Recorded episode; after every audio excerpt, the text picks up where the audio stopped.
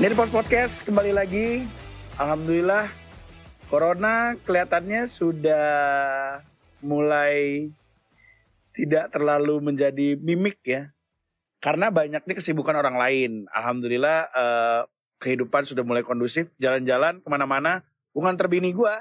Waktu Corona pak. Jadi bini gue tuh kerja tiap hari Selasa. Sisanya work from home. Selasa doang masuknya. Selasa doang. Terus pas kemarin gue nganter. Jalan Simatupang udah macet. Oke normal. Ya sebenarnya masih bahaya, cuman kayak mungkin kita udah gak gitu kepikiran kali ya. Walaupun Iya, harusnya tetap lebih- bahaya tetap pasti bahaya. Tetap, tetap konsen, cuman ya mungkin kan udah mulai sibuk lagi jadi banyak pikiran lain. Ini beberapa puskesmas juga udah ngasih swab test gratis ya? Iya. Ya semoga aja lah semua tes aja. Sekarang kita nggak tahu nih. Hmm. Gua sama Aldi aja ngobrol sekarang mungkin Aldi kemarin udah tes ya. Baru, tapi belum keluar. Baru tes belum keluar karena swab test nggak bisa langsung kan kecuali Iya. rapid test ya. Iya. Swab test jadi kita nggak tahu nih eh, siapa yang terjangkit siapa yang enggak tapi intinya kita tetap jaga kesehatan dan juga imunitas anjay. Kenapa? Olahraga berjemur gimana mau berjemur coy hujan. Eh kura-kura gue mati coy. Aduh, ya ampun. Betul kah? Binatang gue pada mati. Kodok gue mati. Terus Itu burung karena, gue mati. karena hujan apa karena?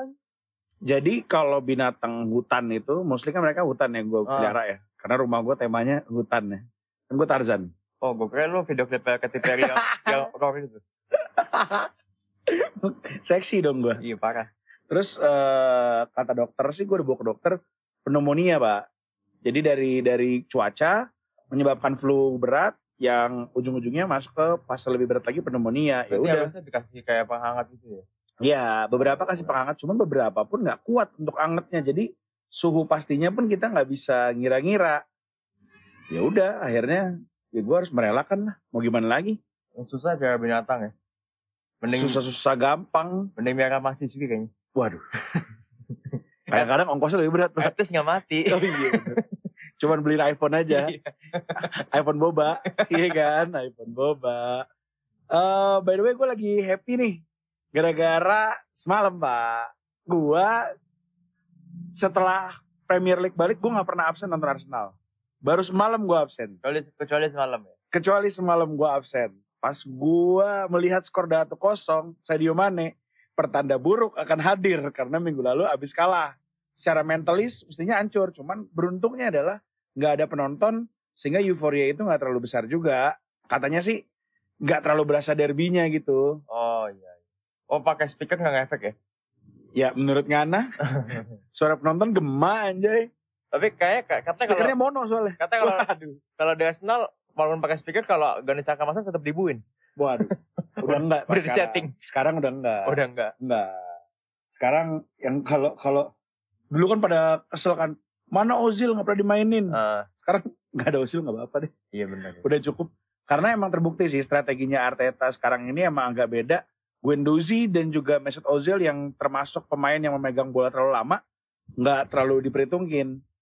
Jadi dia tuh maunya one touch one touch gitu kali ya. Hmm.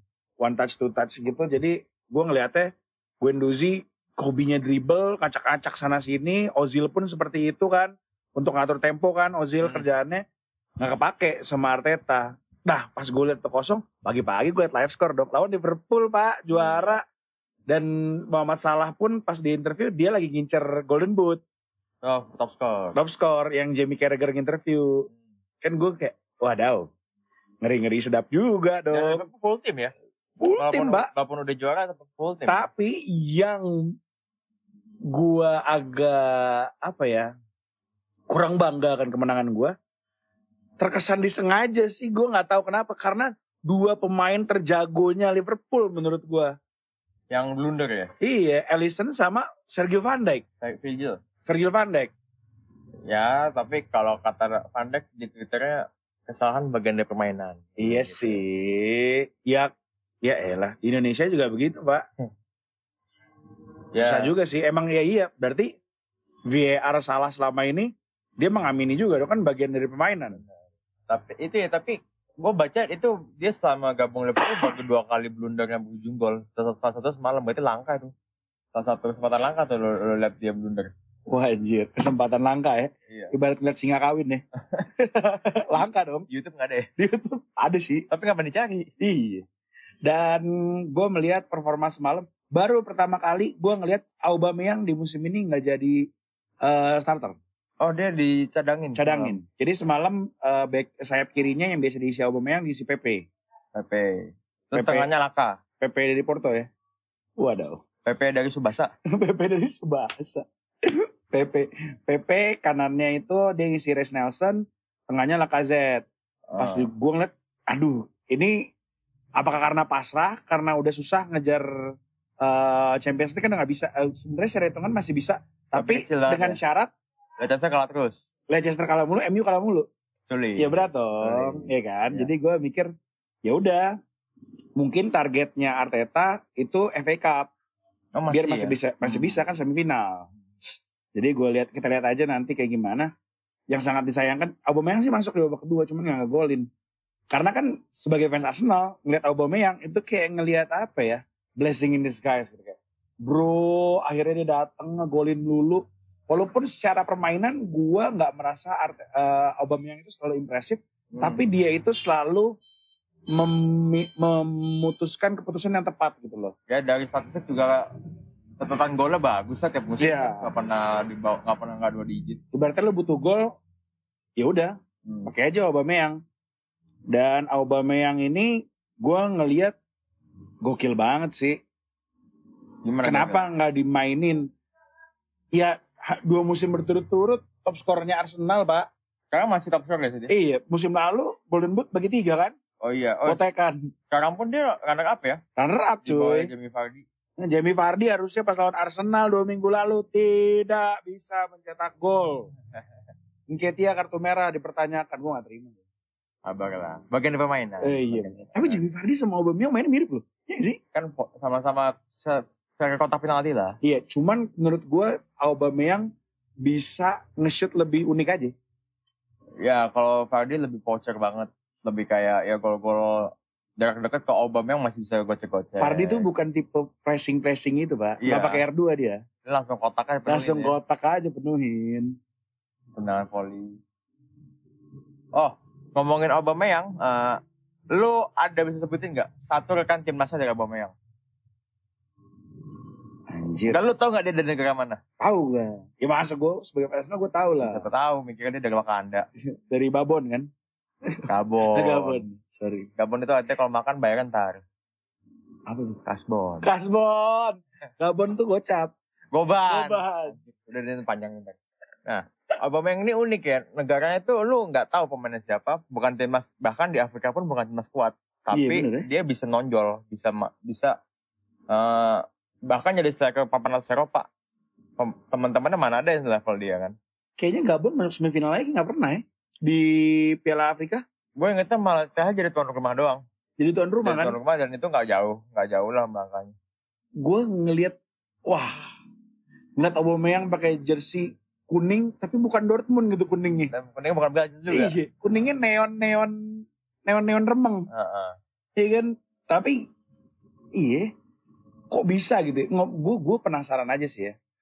Eh kayak Aubameyang gini, scout tuh nemunya gimana? Mungkin emang dia sebelumnya akademi Milan kan? Iya. Akademi Ya, Milan. Milan, Milan tuh gimana nemuinnya? ya? Oh iya, bokapnya orang Italia ya. Wah, gue, gue belum belum stalking sama situ sih. Eh kalau nggak salah tuh bokapnya apa yang orang Itali, apa kebalikan gitu, apa nyokapnya yang orang Itali. Jadi emang dia ada dari Italinya cuy. Hmm. Makanya bininya orang Itali kan. Wah, gue belum stalking juga masih. Wah, gue nonton di MTV Crips pak. Gue, gue cuma tahu baju-baju dia aja, bling semua. Nah, tapi lu kalau ngomongin Iya kayak Oh, dandan Aubameyang. bling Unik bos, ya, unik ya. Topinya tinggi. Nggak bisa move on dari masa-masa rapper zaman dulu ya. Dari masa exhibit. Nggak bisa, nggak, bisa ganti style. Nggak apa deh, mending exhibit daripada 50 Cent. Nah, lu kalau ngomongin kayak tadi, misalnya ngomong striker top, Hmm. pasti orang Argentina, Brazil, Ya, orang Prancis, eh, terus kalau ngomongin playmaker midfielder, pasti ya playmaker, playmaker, Spanyol. Spanyol, Brazil, Jerman. Jerman, Argentina, ngomongin back, Itali, kiper Itali. Iya. Ya pokoknya legenda bola tuh pemain-pemain jagonya juga dari, situ-situ aja negaranya. Negara-negara itu itu aja, Iya. negara juara Piala Dunia lah ya. Negara juga di dunia. Nah, tapi eh, ada beberapa pemain yang bukan berasal dari negara dengan tradisi kuat, tapi bisa perform di tim-tim papan atas Eropa, bahkan jadi juara-juara. Banyak nih main Arsenal yang gue inget. Nah, contohnya pertama tadi Aubameyang. Aubameyang. Ada siapa lagi? Yang paling anget mungkin Mkhitaryan. Mkhitaryan. Sekarang bahkan masih main di Iya. Roma kan. Gue ngelihat Mkhitaryan tuh pertama kali di Shakhtar Donetsk. Ya itu dia mulai naik tuh. Iya. Dan gue pas baca beritanya juga anjir pemain dia Ar- angkatan Armenia. Douglas Costa kan? Iya iya iya. Angkatan Douglas Willian. Costa, Willian. Luis Adriano. Iya bener, strikernya Luis Adriano. Sempet tuh mantan Fernan- striker gua juga ke sana. Fernandinho. Eduardo. Eduardo. Eduardo nemenin. Eduardo tuh Dinamo Zagreb dulu apa ke sana dulu ya? Ke sana dulu. Oh, sampai dulu Dinamo Zagreb. Anjay. Sekarang kan karena dia rootsnya dari Zagreb, Ah. dia balik kan ke Zagreb Iya, kan. Nah, Mkhitaryan juga contoh contoh hidup banget nih. Lu timnas Armenia mana tahu sih Armenia? Armenia. Itu tuh kalau Gue ah, cuma inget Armenia benderanya mirip Romania aja. ya agak mirip dia dia di diagonalin eh di di dimiringin kalau Iya, mereka kan iya, tegak. iya. Gue cuman gue cuman Armenia selain Mkhitaryan cuma tahu kalau Kim Kardashian juga ada turunan situ udah Ya, ada yang ada yang lain. anjir. Sama itu si Aduh, fuck that delicious tuh gue nonton rapper yang gendut banget. Lupa lah ya gue. Jadi dia chef tapi nge-rap juga cuy. Ya apa Gordon Ramsay? Bukan anjing. Dia gendut banget. Gendut gede gitu brewokan. Anjay. Bapaknya, pokoknya dia kolaborasi yang unik aja. Bokapnya itu muslim, nyokapnya Jews. Oh anjir, gokil banget. Orang Armenia. DJ Khaled ya? Bukan mirip tapi sama DJ Khalid. Ini Action Bronson. Aduh, gue gue gue. Ah, Action Bronson tuh. Keluarganya turun Armenia. Itu gue bilang, wah anjir. Itu sesuatu yang tidak mungkin terjadi sepertinya di tempat lain mungkin ya. Nah, Armenia ini bahkan nggak pernah lolos ke Piala Dunia ataupun Piala Eropa. Jadi tiap ada tanding ya kualifikasi doang, nggak pernah lolos ke babak utama. Dan kalau lu inget-inget, kalau lihat Armenia ya sama kayak lu lihat kayak Malta, Liechtenstein, Luxembourg, yang calon-calon 3-0, 4-0, kalau lagi ngecun bisa 6-0 kalau yang main Berarti Jerman. berarti Latvia tuh gokil banget ya. Ya, waktu itu Nggak ada pemain yang oke-oke banget, tapi performnya bagus. Waktu itu masuk sekali doang di Euro. Eh dua kali, ya? akhirnya dia udah pernah dua kali. ya? Satu kali doang. Satu kali setengah doang Setelah 2004 belum. Tapi pernah ada pemain Arsenal di eh, Latvia di Arsenal ingat kalau dulu. Tapi sebelum 2004 Siapa anjir? Marian Pahar siapa siapa gitu. Anjir gue gak inget. Dan, tapi itu doang lah, habis itu nggak pernah ada lagi. Gokil ya. Ya. Nah, Armenia. Berarti Armenia tuh gengnya barengan sama San Marino gitu ya. ya kalau secara peringkat kualitas sih, tapi kalau letak ya Uni Soviet Tapi kalau nonton lah. Euro, melihat lawan San Marino kayak langsung matiin TV. males banget. 8-0, 11-0. Gue Ya. kesian dah. Ya kalau tiap San Marino main kan yang dibahas kan profesi aslinya. Kipernya dokter gigi. Penyerang supir bus. Lagi pula San Marino itu kota cuy, bukan negara. Kecil banget Iya, cuy. iya. Kecil lah itu. Dia ibarat Monaco kan, kecil sepulau gitu doang kan. Lebih kecil lagi kayaknya. Lebih kecil lagi. Dia kalau nggak salah di tengah-tengah Italia, namanya masih nama-nama Italia. Kayak Vatikan gitu ya. Ya, Anjir. Vatikan nanti boleh nggak sih? Aduh, Oh, jangan dibahas. saya kurang tahu. jangan dibahas. saya tidak mau salah ngomong. Nah, ini dari Arsenal juga nih. Ada, Alexander Hleb. eh, ada ada juga pemain yang negaranya nggak gitu oke, bahkan nggak oke sama sekali. Alexander Klepp. Tapi karirnya oke ya. Dan Ha- harusnya oke di Arsenal, Pak. dari Stuttgart, Masuk, Pak. ya dari Stuttgart ke Arsenal ke Barcelona, cuy. Wih, secara secara grafik itu boom Naik gitu kan. terus, Iya. Naik terus gaji naik, apa exposure naik. Nah. Mainnya, oh gue ngeliat di Stuttgart jago banget. Anak muda yang keren lah dibeli sama Arsenal. Wah anjir nih gacauan gue nih. Ah, Eh Fabregas cabut aja. Lo masih bagus mainnya gitu kan. Mas- tapi yang lu ingat dari Klepp ini apa aja nih kalau selama dia di Arsenal? Gua kalau momen gua nggak cuman gaya bermain gue ingat.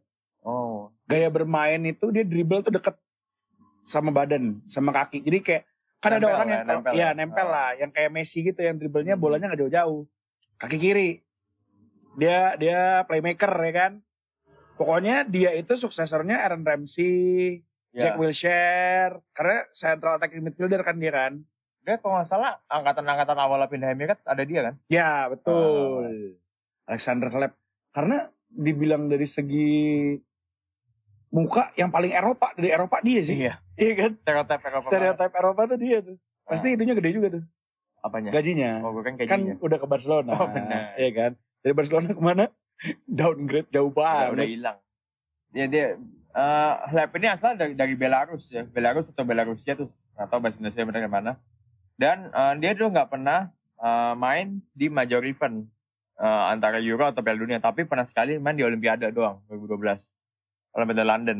Dan gua nggak salah si Hleb ini masuk ke overage-nya lah kan, kalau Olimpiade kan bisa tiga pemain overage kan. Iya iya. Kalau nggak salah dia masuk ke dalamnya. Sisanya Tapi, under 23 ya. hmm, tapi dia nggak pernah main di Piala Dunia, nggak pernah main di Piala Eropa. Ya Belarus pun bukan negara yang familiar lah sama kita semua. Iya, even lu ngomong Belarus lu taunya apa yang lu tahu? Kata gue, gue tau Bela Safira pasti tahu lah gue. Belarus gue gak tahu. Kalau gue Armenia mungkin inget karena eh, salah satu negara Eropa yang banyak muslimnya gue ingetnya Armenia. Ah iya iya. Armenia apa eh, negaranya pianik apa? Bosnia. Bosnia, Bosnia-Herzegovina. ya kan. Nah itu kan gue ingetnya tuh itu tuh banyak muslimnya tuh Nonton, Turki. nonton di kajian-kajian YouTube YouTube gitu ya. nonton di kagak anjir. Gue gara-gara inget si Action Bronson, Oh, bapaknya iya, iya. muslim, ibunya Jewish. Nah, lalu si Halep ini terakhir gue cek masih main sampai sekarang. Iya, gue juga Di. Bate Borisov. Bate Borisov Yang kayaknya menanggalan Arsenal musim ini ya. Apa musim lalu ya? Di Europa League musim lalu. musim lalu. Bate Borisov pun gue juga. Bate Borisov tuh salah satu kuda hitam yang tidak pernah menjadi tidak pernah mekar ya. Dia selalu masuk Liga Champions kita sering kan lihat nama Bate, Iya, Bate, iya. Bate Borisov.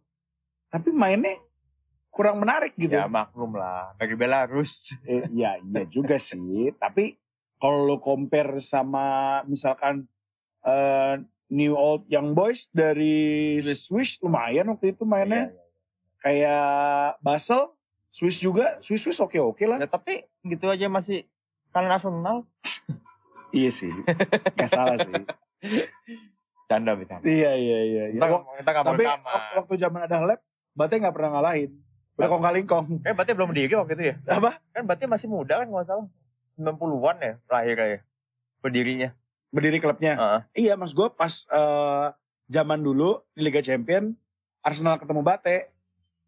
Si Alexander Lab ngomong, udahlah Wallace lah, lo dapet dapat porsian lah. Gue kalau lolos dapat bonus lebih banyak dari lo.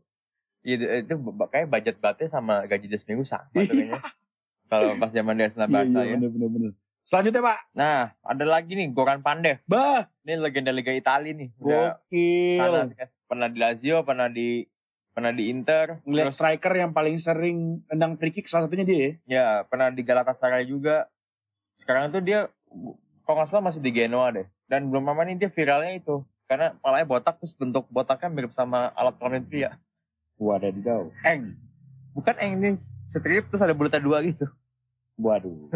Bulat ya. Bulat. Spesifik sekali ya. Lucu deh. Eh, lalu Pandev ini juga striker yang berkualitas banget. Di Lazio dia produktif. Terus pindah ke Inter bagian dari tim treble winner. Iya betul. Dan sampai sekarang pun masih dianggap ya masih suka golin lah kalau dia main Iya iya iya iya. Nggak separah Borriello lah ya. Enggak. Bagaimana menang ganteng doang ya. itu striker Milan dua tuh yang agak unik tuh Borriello sama satu lagi? Mentelar zaman dia tuh. bukan bukan. Ada satu lagi yang mirip-mirip juga main sama dia. Bukan angkatan-angkatan dia. Itali bukan? iya. Borriello Gilardino. Gilardino. Kan mirip-mirip kan dua-duanya Iya, kan? Iya. segitu-segitu aja karirnya. Ibaratnya lu piatek aja udah. Cuman Gilardino Piala Dunia menang. oh iya benar. Masih itu beruntung sekali dia itu Iya, bisa masuk gitu. Masuk tim. Nah, si Pandev ini dari Makedonia. Makedonia loh makan tuh gue taunya Makadamika lagi lu bilangnya. bukan kacang mbak Macadamia Makadamika Makadamia ya? Macadamia Makadamia. Iya, iya. Macadamia fantasi Makadamia bukan yang itu yang lomba nyanyi sama mamanya itu. Mama Mia Mamma Mia. Mama Mia aduh Nah, Makedonia itu bukan negara besar, pecahan Yugoslavia. Mhm. Beda sama Kroasia, Bosnia yang pecahan Yugoslavia juga pernah masuk Piala Dunia, Piala Eropa. Makedonia ini sama lah. Tim papan bawah kalau di Eropa. di. Yugoslavia pun pecahan Soviet juga kan Bukan. Bukan beda. Yugoslavia itu negara gede sendiri. Tapi Oh. pecahannya Yugoslavia kalau masih ngumpul sih ngeri timnya loh. Ada Kroasia, ada Bosnia. Ceko Ceko, Ceko sama Slovakia. Enggak, enggak. oh Ceko mas Slovakia ya Ada Slovenia, Slovakia juga. Eh, Slovakia enggak. Slovenia itu pecahan Yugoslavia juga. Nah, Pandev ini kayak gue gue lupa dia masih aktif apa enggak di timnas. Tapi dia ya tentu saja pemegang caps paling banyak dan gol paling banyak juga di timnas. Cuman ya itu nggak pernah berprestasi apa apa. iya hal yang paling kalau dibilang ngomongin Goran Pandev mungkin dari segi keseluruhan pemain yang paling produktif salah satunya Goran Pandev ya ini kita bakal sebutin ini nanti Ya, hmm, dia dia salah satu yang paling oke lah. selanjutnya Pak Nah ini juga bagian dari tim legenda AC Milan nih. Bush Gaula sama Maldini, Nesta. dia one man team gak sih Enggak, dia dia uh, Sempat sekali ya? habis Milan dia sempat pindah. Dan sebelum Oh. di Milan juga sempat di tim lokal. Oke. Kakak Kaladze. Wish. Ini kalau dulu main PES Salah satu pemain yang yang main di Milan paling tua kan? paling Salah lama satu. juga iya. Pokoknya angkatan Costa Curta, Maldini, Nesta, Kaladze itu nggak pernah berubah pokoknya 10 tahun tuh empat itu. Iya iya benar-benar. Nesta, Maldini, Costa Curta, Kakak Kaladze. Iya benar benar benar. Dan itu dulu kalau main WE dan Nesta turun kita ganti sama dia juga masih slow. Saking Udah ngerasain hebatnya. kiper Milan macam-macam tuh ya. Iya, saking hebatnya tuh slow-slow aja. Nah, Kaladze ini asal dari Georgia. Georgia. Dan gue gue gue yakin tuh Gue kalau tau Georgia Amerika, Pak. beda. Oh, beda ya. Iya kan? Maksudnya kalau orang-orang lebih sering dengar Georgia, menurut gue bukan negara Georgia yang lebih sering didengar orang, tapi ya. State of Georgia Iya, iya. di Amerika kayaknya lebih sering kedengeran. Iya makanya saking jarang kedengarannya ini negara kecil banget. Ini kalau nggak salah letaknya di bawahnya Rusia, Rusia gitu lah pecahan pecahan Hmm. Soviet juga. Tapi karena dia sangat berprestasi di Milan aja menang champion berapa kali tuh? Tiga Iya. apa? Tiga kali apa? Terus Scudetto dua kali.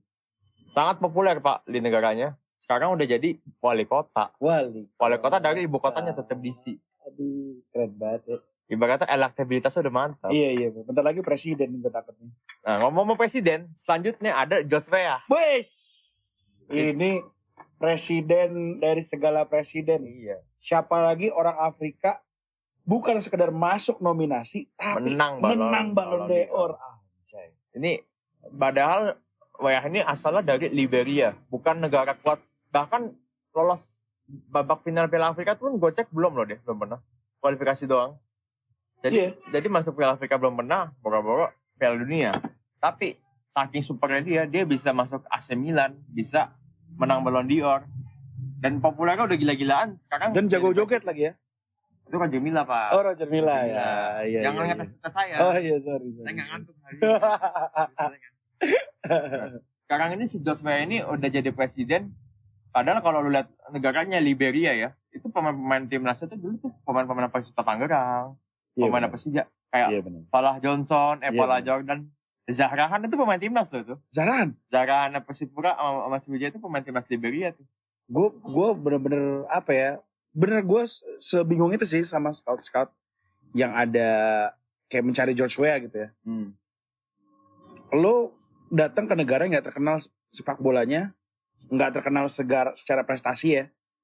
Terus tiba-tiba lo bisa menemukan pemain seperti ini gitu yang loh. wow banget ya. Iya, nggak kayak scout-scout Indonesia udah lumayan didatengin lah sama scout-scout karena ya kita negara terbesar penduduk Populasi ya, populasi salah, salah satu big five lah kita untuk populasi penduduk dunia. Jadi wajar menurut gua. Tapi kalau Liberia secara image negara yang kurang beruntung dalam arti eh, finansialnya lumayan kacau. Terus eh, peperangan antar suku perang sipil ya. uh, peperangan sipil tuh sering banget dan separah itu betul-betul bisa menemukan George Weah ya Padahal lu nggak ada internet juga loh. Gimana- internet ya Gimana caranya? Lu nelpon, eh lu ke Liberia ngapain dia gitu kan. iya bener ya Ada mungkin pemain- awalnya tuh apa ya ada anak kecil gitu pak. Diatak diajakin apa jadi dubes nih di Liberia. Ya kan? Dia lagi nonton anak-anak bocah main bola, ih dan jago. ih yang jago. Katanya dia orang Itali gitu kan. Ya, kayak film Netflix gitu. aduh. Lanjut lagi nih ada lagi striker juga nih, bagian dari tim legendanya MU 99 Bah. yang dapat triple winner, Dwight York. ini temennya si Teddy Sheringham ya Tadi saya sama Andy Cole, Andy Cole tiga tuh ganti-gantian. Dan York ini asal dari Trinidad, Trinidad and Tobago. anjing gue kira Iya. Tinder itu bagus lu bilang Aduh Tinder gawat juga. Udah Sekarang- install pak. sekarang lebih bagus oke Cupid pak Lebih terkurasi ya. lebih terkurasi Nah, Trinidad and Tobago ini per- hanya pernah sekali lolos ke Piala Dunia yaitu Piala Dunia 2006. Mhm. Dan itu juga Bacok ikut main tuh walaupun udah tua waktu itu. Oke. Sebagai kan legend negara gitu lah ya. Nah kalau ngomongin Trinidad Tobago kan nggak eh, nggak pernah ada pemain yang dengan level setinggi yang sampai main di MU sampai menang Liga Champion. Iya benar. Sejago-jagonya sampai mereka kemarin masuk Piala Dunia pun pemain-pemainnya bukan pemain-pemain dari tim besar juga ya. Iya, pemain banyak kan main lokal atau main di Meksiko Iya, mungkin MLS. Spanyol di papan bawah, papan tengah ada lah. Hmm, lalu eh nanti gue mau ngomong lagi ada bakso gue jadi lupa. Makan bakso dulu, Bang. Ah, kalau dari Trinidad Tobago paling yang paling familiar kayak Shaka Hislop aja. Iya. Bekas kiper West Ham sama Portsmouth kalau salah. Iya benar benar benar. benar. Selebihnya lu mana tahu lah pemain-pemain dari Karibia gitu. Tapi bisa ada satu yang mencuat level 2 York itu udah hebat banget. Ada satu mungkin pemain Asia Hmm. yang sukses di liga eh, apa namanya liga Inggris lah ya secara tidak langsung dan posisinya kiper pak jarang disebutkan kan Nah, ini dia gue inget dia pernah main di GBK juga nih. main di GBK betul Indonesia. Siapa namanya? Al Habsyi Al Habsi Ali. Al Habsyi Ali Ali ini lama jadi kiper kalau nggak salah sebelum di Wigan dia di Bolton dulu, tapi di Wigan dia lama banget. Ali itu lebih lama jadi petinju nggak salah Beda Ali, Pak. oh lah beda lagi ya Ali siapa lagi ya? Ali Topan. Jadi, jadi nggak gitu lucu. Dia, dia, dia di Wigan jadi pilihan utama dan waktu itu dia sempat satu save bagus banget sampai di Oman itu di ibu kotanya di setel di TV-TV gede pak di, di gedung-gedung itu save dia. CV dia doang Uh, saking bangganya warga Oman yang ada. Al Habsi Ali ini. tapi iya sih nggak pas gue fanatisme akan sepak bola di Timur Tengah tuh nggak mungkin bohong karena lu lihat aja banyak pemain-pemain besar yang pensiunnya melanjutkan karirnya ke Timur Tengah walaupun Iya. emang tim-tim tajir apa oh, negara-negara tajir ya kekuatan finansial tapi kenapa dia invest ke sepak bola di negaranya sendiri secara logika penduduknya suka banget dong sama sepak bola Fanatik, fanatik, fanatik banget. karena kan kalau di Timur Tengah penduduk nggak terlalu banyak kan Ya, penduduk nggak terlalu banyak banyak kan minyak kan. Iya penonton berarti secara logika juga nggak terlalu banyak. Tapi kegilaannya akan sepak bola membuat pemain-pemain eh, keren seperti Xavi, Rivaldo, si Batistuta Batistuta, banyak semuanya pada ke sana. Even Maradona pernah ngelatih di sana juga kan. Itu benar-benar menjadi eh, daya tarik tersendiri lah. Cuman sayangnya kita nantiin aja nih Piala Dunia 2002 eh 2022 di Qatar seperti apa? Desember loh. Desember. Iya. Bukan mungkin mungkin orang kan kalau mungkin main di Eropa menghindari Desember iya, ini malah karena dari- musim dingin. Kalau di sana malah cari musim dingin. Iya, tapi gue sebenarnya kan ya memang Timur Tengah kan belum pernah piala-piala dunia ya. Hmm. Tapi harusnya cari negara yang udah ada tradisi masuk piala dunia lah. Kenapa Qatar ya? Kan bisa Berarti secara tidak langsung Qatar dapat tiket gratis dong ya? iya lolos. Kan maksudnya kalau mau ngomongin Timur Tengah banyak negara lain lah yang minimal tradisi lebih bagus dari Qatar. Oh, Arab Saudi. Prestasi Qatar mungkin paling tertinggi pernah ngalahin Indonesia aja ya, ngebantai. Bahkan dikalahin pernah sama Indonesia. Pernah dikalahin juga, tapi pernah Sama juga kan. Tapi Wih, dia Ponari yang tenang dari apa Yoi. tengah lapangan ya? dari luar kotak. Dari kotak gokil. Ya memang dia tahun lalu juara Piala Asia, cuman ya maksud gua buat jadi perwakilan Dunia harusnya minimal tim yang udah tradisi lah. Gue sekarang udah agak berat pak untuk menilai sepak bola itu eh apa namanya disalahgunakan secara tidak langsung apa enggak money politik kah di di sepak bola tadinya gue mikir enggak lah pasti ada pure passion di pertandingan. Iya, iya. cuman setelah gue ngelihat VAR-nya Liga Inggris itu gue agak cemas sih sama sepak bola kayak boy terserah lu lah.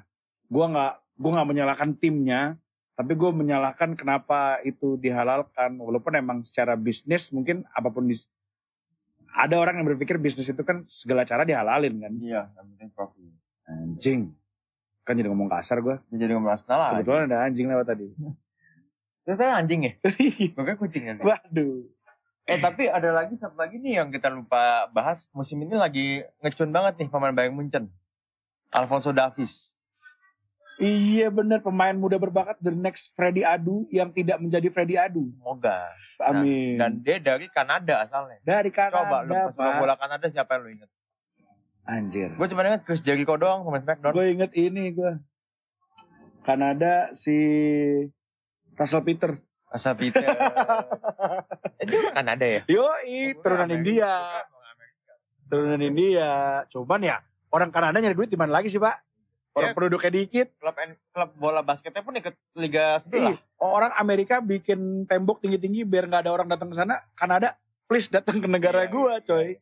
Iya, dia, dia bahkan di MLS ada tiga tim nggak salah ya. Iya. Montreal Impact, Toronto, To- Toronto FC, sama satu lagi apa tuh? Ottawa kalau nggak salah. Ot- Ottawa apa gitu. Ottawa ya, Ottawa. Iya bener. Iya, Gokil kalau di Kanada memang yang paling populer tuh hockey S. Ya. Hockey S sama basket lumayan lah. Apalagi, cuma satu, Pak. tapi juara ya kemarin. Juara. Itu langsung kayak kemenangan satu negara. Iya. Isi pemainnya. Pemain Amerika semua. Udah gitu langsung pindah lagi ke Kawainya. iya.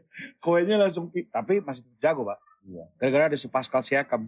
Gua Jadi basket. Nggak nyambung gua. Iya, iya, iya. Bener, bener, bener.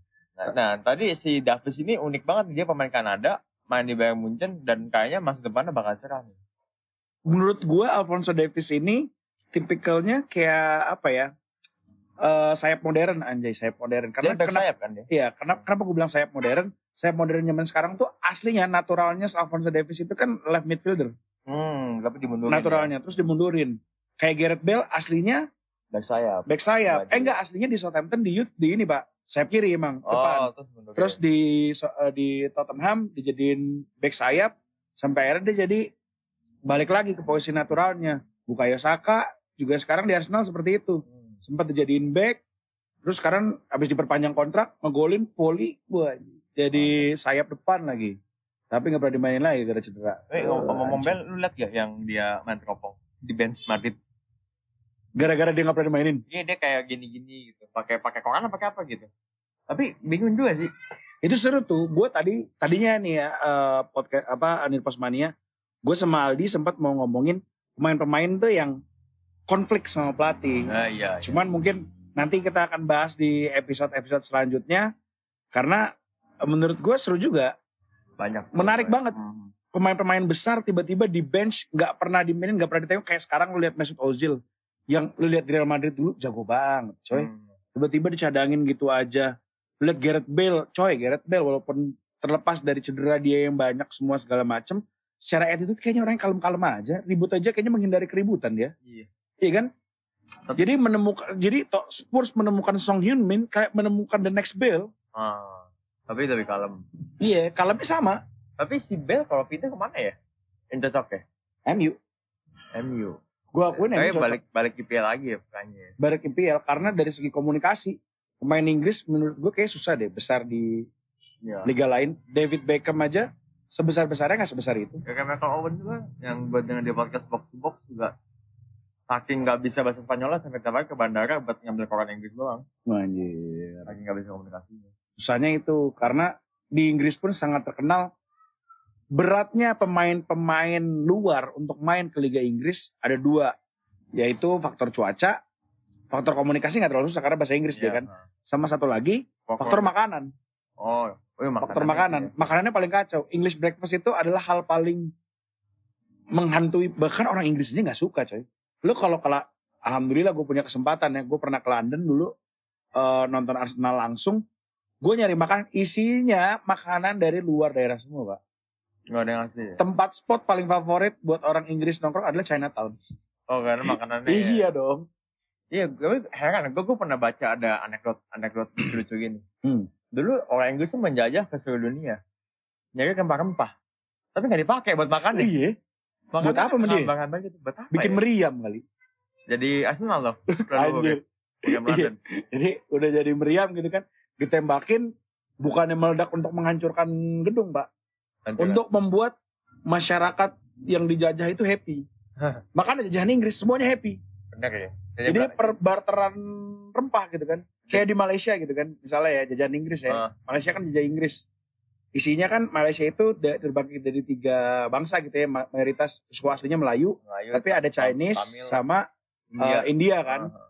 Ya itu kan karena jajahannya Inggris juga itu kan. Si India mungkin bumbu India disemprot gitu Pak. Pakai meriam. Cus. Jadilah Malaysia yang kaya akan rasa juga. Ikut juga ke Indonesia gitu kan rasanya kan. Terus rebutan lagi sama kita. Waduh. Rendang asli dari Malaysia Indonesia? Kalau gue nggak tahu, ini kontroversi, gue nggak berani ngomong sih. Tapi menurut gue mereka punya ciri khasnya masing-masing sih. Enggak. Tapi gue sebagai orang Minang tetap punya orang Minang. Ya kita suruh Rendang. ya kita deketan suruh punya pasti mirip-mirip. Iya, karena ya Padang Malaysia nyebrang-nyebrang doang, Mbak. Deket banget. Terus lu tadi bilang jajahan Inggris happy happy kalau Belanda jajahan Belanda Aduh, apa anda tambah dibahas? Aduh. Kalau bilang nggak happy ntar dibilangnya anda menuduh. By the way, buat uh, Nilpos Mania, mungkin ada yang kelupaan dari kita. Lo ada inget satu Ya. pemain yang mungkin atau banyak pemain yang berasal dari negara yang tidak pernah kita ketahui sebelumnya, tapi ternyata dia menjadi pemain kunci di salah satu klub atau memiliki prestasi yang luar biasa. Ya. Ya kan, boleh aja di-mention ke kita. Sebenarnya nggak semuanya juga sih tadi berprestasi kayak si Ya, Al Habsyi nggak ya berprestasi sih, minimal menonjol lah. menonjol, Mulai. menonjol. Ah, ini banyak yang ngomong eh, Egi Fikri ini kan. Egi Fikri, Egi Maulana dari Indonesia tuh media apa ya? eh gue pengen bahas lain di luar di luar bola deh. bola-bola juga sih mirip-mirip itu prostitusi online haha bener itu Haha, haha Hotman Hutap ya. bu gue gak, gue gak tahu boleh nyebut karena kan belum terbukti nih Gue nggak, gue gue nggak gitu nggak gitu ngikutin kasusnya. sih. lo kalau punya duit ada rencana gak Berapa sih harga ini? katanya Kalau di di Bintang berapa? se- seharga Ronaldo sejam Gue gue kayak mau beli PS5.